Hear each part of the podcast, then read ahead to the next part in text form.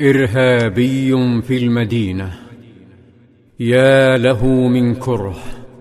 ذلك الذي حرض وهب بن عمير على قطع مئات الأميال من مكة ليقتل قائد الدولة الإسلامية بعد أن تعهد له التاجر صفوان بن أمية بسداد دينه ورعاية أسرته إن قام بعمليته الإرهابية.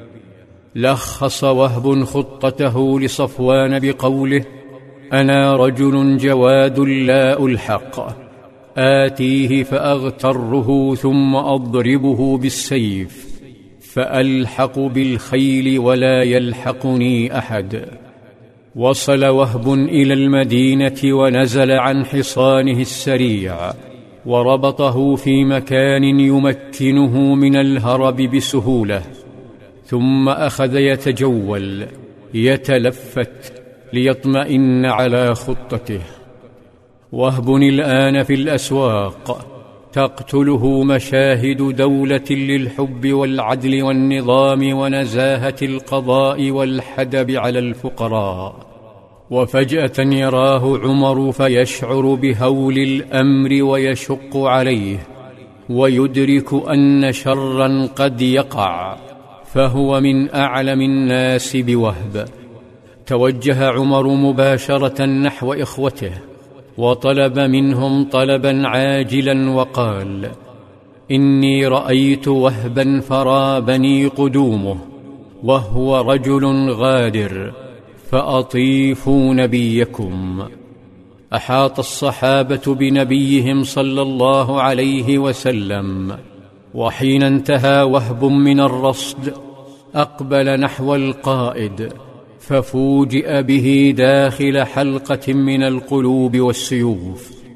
نظر إلى رسول الله فحياه بتحية الجاهلية قائلا أنعم صباحا يا محمد. فقال صلى الله عليه وسلم قد أبدلنا الله خيرا منها. فقال وهب عهدي بك تتحدث بها وأنت معجب. فقال صلى الله عليه وسلم ما أقدمك؟ فقال جئت أفدي أساراكم. فسأله صلى الله عليه وسلم سؤالا مفحما ما بال السيف؟ فقال اما أنا قد حملناها يوم بدر فلم نفلح ولم ننجح ايقن وهب بالغرق لكن نبي الله صلى الله عليه وسلم لا يكف عن رمي اطواق النجاه قال فما شيء قلت لصفوان في الحجر لولا عيالي ودين علي لكنت أنا الذي أقتل محمدا بنفسي. صدعت الكلمات قلب وهب فاتسعت عيناه وفتح فاه وقال ها كيف قلت؟ فأعاد صلى الله عليه وسلم كلماته إعادة غسلت حقده.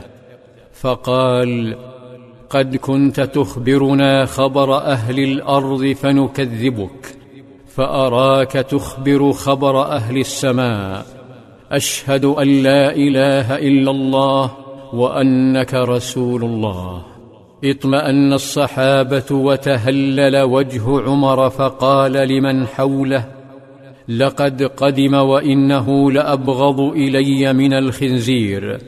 ثم رجع وهو أحب إلي من بعض ولدي.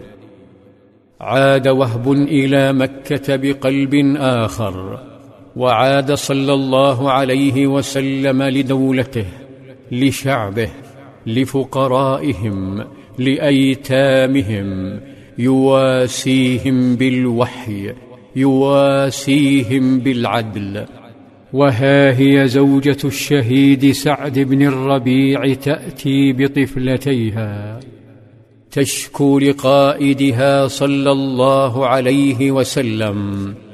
تشكو رجلا أخذ مال اليتيمتين وجعلهما على حافة الفقر.